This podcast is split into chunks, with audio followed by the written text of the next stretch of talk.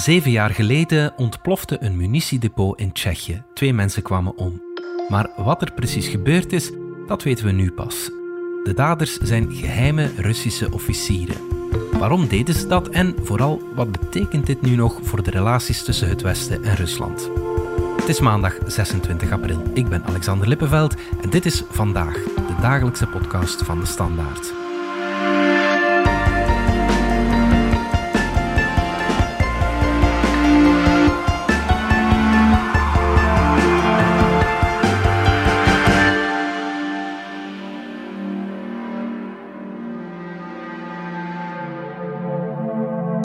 Nu vandaag een beetje anders en we hebben een nieuw logo, maar we blijven uw vaste nieuwsafspraak. En vanaf vrijdag mag u nog veel meer verwachten van de podcasts van de Standaard. Roland Termoten van onze buitenlandredactie, neem ons even mee naar zeven jaar geleden. Een ontploffing in een wapendepot in Tsjechië. Wat is daar juist gebeurd? Wel, het was uh, oktober 2014 en toen is in Tsjechië een uh, wapendepot, een munitiedepot, de lucht ingegaan. Mm Het was een uh, depot dat eigenlijk toebehoorde aan de staat, maar door een private firma uitgebaat werd. En daar worden wapens en munitie opgeslagen voor onder meer internationale wapenhandelaren ook. Mm -hmm. Tsjechië is een, is een vrij belangrijke schakel in de internationale wapenhandel, heeft ook een grote wapenindustrie. Mm -hmm. Dus aan zich is het niet verwonderlijk dat daar wapens opgeslagen worden ook voor het buitenland. Mm -hmm. Toen dat munitiedepot de lucht inging, is ook een onderzoek uh, begonnen naar die ontploffing. Er zijn twee uh, mensen bij omgekomen. Mm -hmm. En ja, dat onderzoek dat heeft een aantal jaren geduurd. Daar zijn verschillende sporen in opgedoken. En op een bepaald moment kwamen erop uit dat uh, twee mensen of twee mannen die een paspoort uh, gebruikten op naam van Ruslan uh, Boshirov en Alexander Petrov, mm -hmm. dat die inderdaad in Tsjechië geweest waren rond die tijd, dat die zich ook zouden aangemeld hebben bij dat depot om een bezoek te brengen. Het is niet duidelijk in welke hoedanigheid. Mm -hmm. En die Boshirov en Petrov, dat zijn de mensen die door de Britse overheid aangehaald zijn als verdachten van de vergiftiging van de Russische ex-spion, een dubbelspion eigenlijk, Sergei Skripal en zijn dochter. In, in Engeland was het, Ja, in Engeland inderdaad, ja. in Salisbury. Daarbij is toen ook een Britse vrouw overleden, die eigenlijk een soort van ja, innocent bystander was, die per ongeluk zichzelf zou bespoten hebben, geloof ik, met Novichok, dat in een weggegooid uh, parfumbusje zat. Okay. Zij is wel overleden, de andere twee niet. Based on the positive identification of this chemical agent by world-leading experts at the Defence Science and Technology Laboratory at Porton Down, our knowledge that Russia has previously produced this agent and would still be capable of doing so, Russia's record of conducting state-sponsored assassinations, and our assessment that Russia views some defectors as legitimate targets for assassinations, the government has concluded that it is highly likely that Russia was responsible for the act against Sergei and Yulia Skripal. Dat was de toenmalige Britse premier Theresa May die Rusland met de vinger wijst. Wie waren de daders, die Boshirov en Petrov? De website Bellingcat heeft vastgesteld wat de echte identiteit is van die Boshirov en Petrov. En die mensen heten eigenlijk Chepiga en Mishkin mm -hmm. en zijn agenten van de Russische militaire inlichtingendienst GRU. Er waren al aanwijzingen inderdaad, dus dat die in Tsjechië geweest waren. Nu zaterdag kwam de Tsjechische premier mm-hmm. met een uh, harde beschuldiging aan het Russische adres, namelijk Russische inlichtingendiensten waren betrokken bij de ontploffing van het munitiedepot. Meer bepaald uh, wezen de Tsjechen naar de Russische militaire inlichtingendienst, de GRU. En tegelijk ongeveer vaardigde de Tsjechische politie een opsporingsbevel uit tegen deze Boshirov en Petrov die eigenlijk Chepiga en uh, Mishkin heten. Mm-hmm. Waarom werd die munitieopslagplaats geviseerd? Wel, de Tsjechische premier, uh, Andrej Babiš, die ja, sprak over de opslag van wapens door een Bulgaarse wapenhandelaar. Mm-hmm. en, en, dat is een van de redenen waarom die wapenopslagplaats zou geviseerd zijn. En Tsjechische media, zoals de Tsjechische publieke omroep, maar ook um, het, het, blad Respect, en dat zijn mensen met heel goede bronnen in de inlichtingenwereld, mm-hmm. die wijzen naar Bulgaarse wapenhandelaar Emilian Gebrev. En Gebrev was een man die ja, wapens verhandelde onder meer richting Oekraïne. Mm-hmm. En dat was 2014, was het moment waarop het conflict in Oost-Oekraïne oplaaide met Russische betrokkenheid. Gebrev heeft deze week erkend dat hij daar wapens liggen had, maar hij ontkende wel dat die voor Oekraïne bestemd waren. Maar de Russen gingen er toen wel vanuit dat die wapens tegen hen gebruikt zouden kunnen worden, hè, Roland? Ja, dat is dus een mogelijke hypothese dat uh, de Russen eigenlijk ja, ontradend wilden werken uh, en ook gewoon wapenleveringen aan Oekraïne zouden willen saboteren. Pikant detail, die uh, Gebrev is zelf vergiftigd geweest met een zenuwgas dat leek op uh, Novichok in ieder geval. Mm -hmm. En de Bulgaarse autoriteiten uh, zijn daarop een onderzoek begonnen, waar ook weer de GRU, dus die Russische militaire inlichtingendienst, in de picture kwam. Ja. Eén belangrijke vraag die daar nog overheerst, en het lijkt dat de Tsjechen een beetje weten hoe, hoe de vork daar in de steel zit. Ze lijken te geloven dat die ontploffing niet had moeten gebeuren in het depot. Okay. Dus dat het depot zelf niet noodzakelijk het doelwit was, mm -hmm. maar dat de bedoeling zou geweest zijn om uh, die lading te saboteren. Okay. En dat het dan misschien per ongeluk te vroeg tot ontploffing is gekomen, wat het allemaal nog erger heeft gemaakt, want daarbij zijn twee mensen omgekomen ja. en is het depot de lucht ingegaan. Uh, dus ja, dat is een uh, probleem. Ja. Er is nog een alternatieve hypothese, namelijk dat de wapens eigenlijk bedoeld zouden zijn voor Syrische rebellen, die ook niet pro-Russisch waren. Maar uh, ja, voorlopig kijkt men toch vooral naar die Oekraïnse piste in Tsjechië. Ja, ja, ja oké. Okay. Die GRU is daar dus meer dan waarschijnlijk bij betrokken. Wat weten we over die eenheid? Wel, uh, ja, de, de bewuste eenheid die uh, hier eigenlijk in beeld komt, dat is eenheid 2955. Oké. Okay. Staat er een beetje onbekend. Wel, die is iets te veel in de aandacht gekomen de afgelopen jaren. Dus enerzijds ja. in uh, Salisbury met uh, die mislukte vergiftiging van Skripal en zijn dochter. Anderzijds nu hier weer. En ja, diezelfde eenheid kwam in beeld bij een mislukte coup in Montenegro in 2016, op het moment dat uh, Montenegro zou gaan toetreden tot de NAVO. Mm -hmm. Ook daar is het, is het misgegaan. En ik ben er toen in de tijd geweest en dat was een moment waarop op verkiezingsavond volgens de Montenegrijnse autoriteiten een stel Servische oproerkraaiers eigenlijk uh, dood en verderf wilden zaaien en misschien ook de toenmalige president Milo Djukanovic vermoorden. Uh, allemaal met de bedoeling om een staatsgreep te plegen. Ja. Dat is wat de westerse inlichtingendiensten toen zeiden. Uit dat onderzoek is gebleken dat ja, een aantal van die mensen die betrokken waren bij die staatsgreep, een aantal van die Servische verdachten, ja, dat die inderdaad contacten zouden gehad hebben met mensen die wellicht uh, tot de Russische militaire inlichtingendiensten dan behoren. Volgens de beschuldigingen alleszins. Maar tegelijk gaat het ook om, om ja, vrij knullige jongens vaak. Wel, voilà. Het zijn absoluut geen James Bond-achtige spionnen die overal in slagen, hè, als je het zo beschrijft. Nee, exact wat je zegt. Dus niet elke spion is James Bond. En uh, in het geval van de Groe is dat wel heel duidelijk. Ja. Um, Ten eerste omwille van de mensen waar ze zich soms van bedienen. In het geval van Montenegro ja, waren dat toch een, een hoop amateurs, waarvan je zou kunnen denken, uh, zijn dat de mensen met wie je echt een staatsgreep pleegt? Mhm. Ten tweede omdat het vaak mis lijkt te lopen. Ja, de doelwitten overleven het, of ze onthullen ook een eigen identiteit. Die uh, meneer Chepiga en Mishkin, Ja. ja, die zijn ontdekt door het werk van inlichtingendiensten, ook door het werk van onderzoekscollectieven als Bellingcat. En daarna zijn die eigenlijk een beetje door het stof gegaan op Russia Today op een bepaald moment, Mhm. waarbij ze met uh, ja, de dolkomische uitleg kwamen dat ze eigenlijk toeristen uh, waren in Salisbury, die naar de toren van de kathedraal uh, wilden kijken. Dat roept vragen op, maar je kan je ook afvragen in welke mate de uh, daar amateuristisch in te werk gaat. Want ja, het, het, is misschien een foute aanname om te denken dat inlichtingendiensten almachtig zijn en per definitie onzichtbaar. Ook daar lopen dezelfde dingen mis die in elke ambtenarensetting kunnen mislopen. Ja. Anderzijds, um, soms is het doel misschien ook gewoon om te destabiliseren. Mhm. Uh, in Montenegro kan je je afvragen, was de bedoeling om echt een staatsgreep te plegen? Of was de bedoeling om te tonen, kijk, wij zijn hier, wij zijn Rusland en als jullie bij de NAVO willen, verwacht dan wel dat er uh, ook repercussies kunnen komen Ja. en we can hurt you anytime. En wie weet is dit het topje van de ijsberg. Dit zien we en doen ze nog heel wat andere acties die, die heel onzichtbaar blijven en onder de radar blijven. Ja, wel overal waar we het tipje van de ijsberg zien met de groe, zien we dat ze uh, de afgelopen jaren wel behoorlijk actief geweest zijn. Mm. Uh, en niet alleen op dit vlak, maar ook op het vlak van cyberhacking.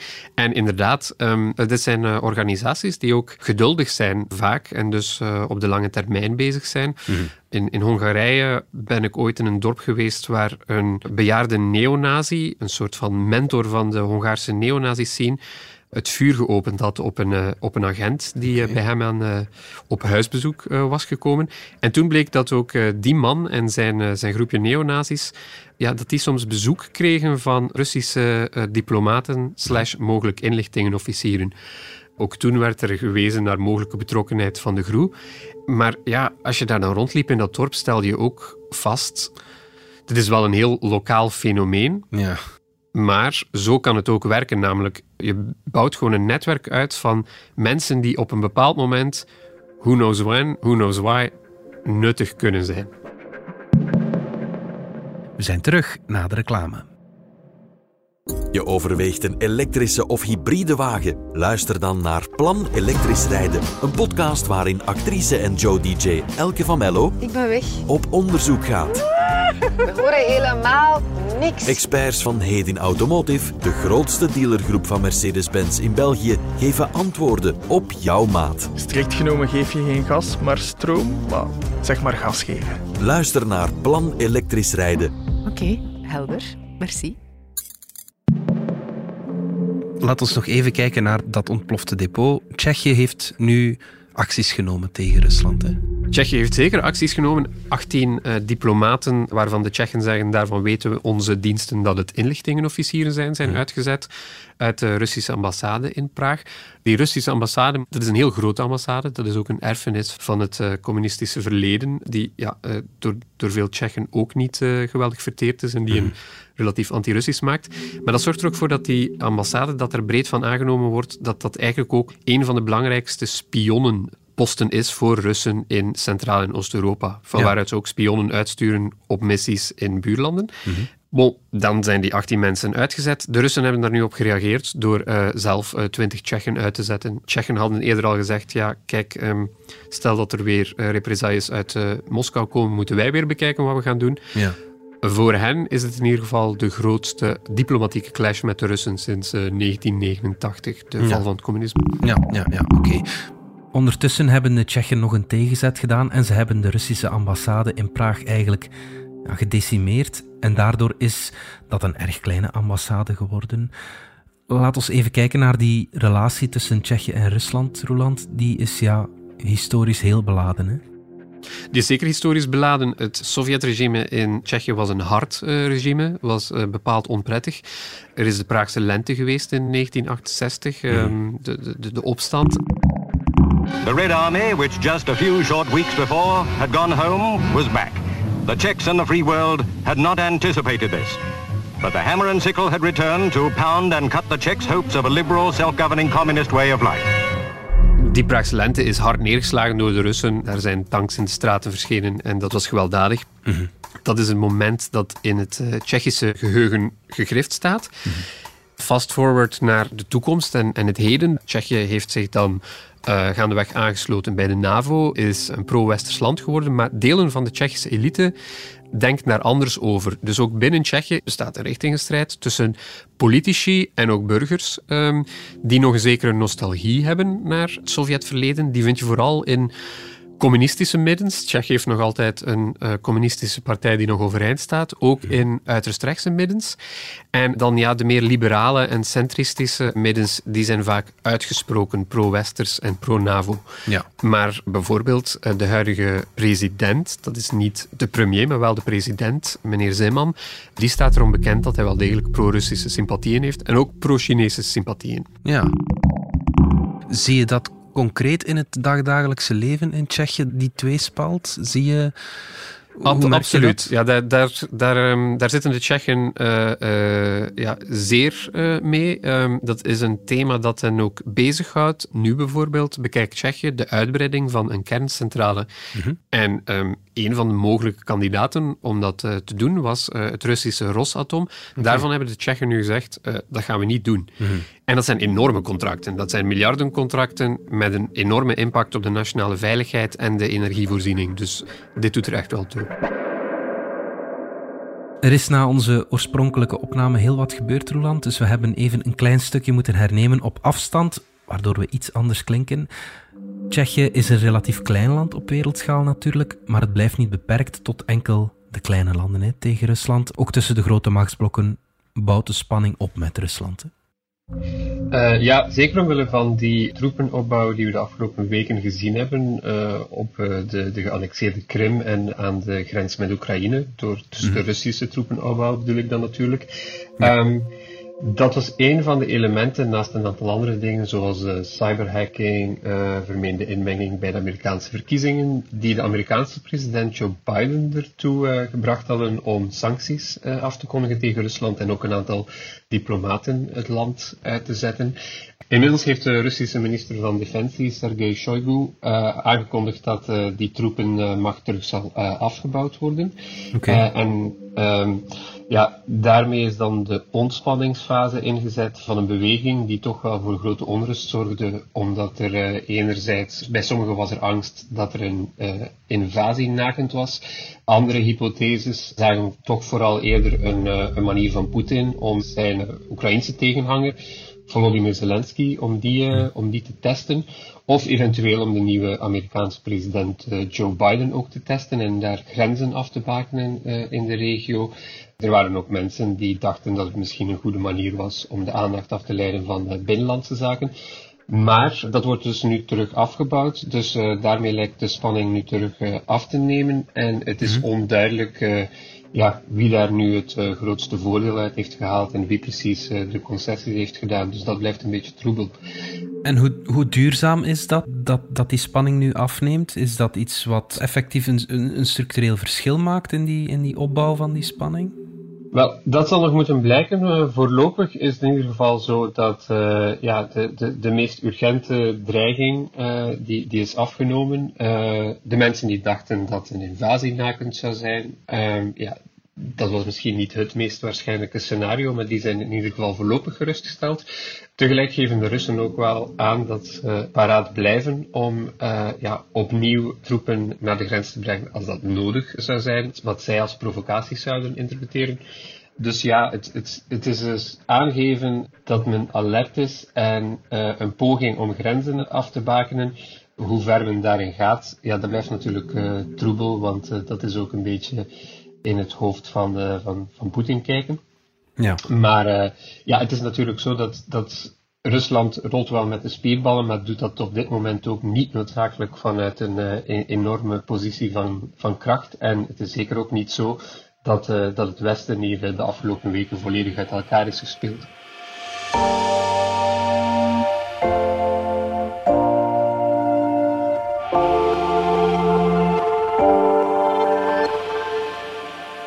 Periodes van spanningopbouw en weer ontspanning, dat is iets wat we in de Koude Oorlog voortdurend zagen. Moeten we daarmee rekening houden en zijn we op weg naar een nieuwe Koude Oorlog? Tja, het is natuurlijk, ja, de Koude Oorlog was de Koude Oorlog. Uh, en dat was ook uh, dat was een heel tijdvak uh, met zijn eigen dynamiek. Rusland is niet meer de machtige Sovjet-Unie. Mhm. Dus vaak bestaat een strategie eruit ook om te destabiliseren waar ze kunnen. En dat heeft ernstige gevolgen, laat dat duidelijk zijn. Mhm. Daar in Oekraïne sterven mensen en was er wel degelijk ernstig geweld. De Krim is geannexeerd. Dat, dat, dat is echt en dat is ernstig. Tegelijk zijn er ook grenzen aan, aan de agressie van, van Rusland. En ja, wat je ook hebt natuurlijk, is dat de NAVO opereert ook niet helemaal meer op dezelfde manier als, uh, als tijdens de Koude Oorlog natuurlijk. Want nu zie je dat, uh, dat Europese landen ook wel zeggen dat er grenzen zijn aan het Russische gedrag en dat we niet alles kunnen pikken. Tegelijk stellen ze zich relatief conservatief op als het gaat over de omgang met, uh, met Rusland. Mhm. Sancties worden wel overwogen, alhoewel die op dit moment bijvoorbeeld niet opgeschroefd worden nog. Maar uh, als, als het gaat over Nord Stream 2, dan die, die pijplijn die loopt van Rusland richting Duitsland. Mhm. ja, die gaat nog steeds gewoon door. Dus je ziet dat bijvoorbeeld ook landen als Duitsland toch ook een heel pragmatische houding hebben ten opzichte van Rusland. Mm -hmm. Oké, okay. goed. Roland Termote, dankjewel. Graag gedaan. Dit was vandaag van De Standaard. Bedankt voor het luisteren. Reageren kan via podcast.standaard.be. Alle credits vind je op standaard.be-podcast. Morgen zijn we opnieuw.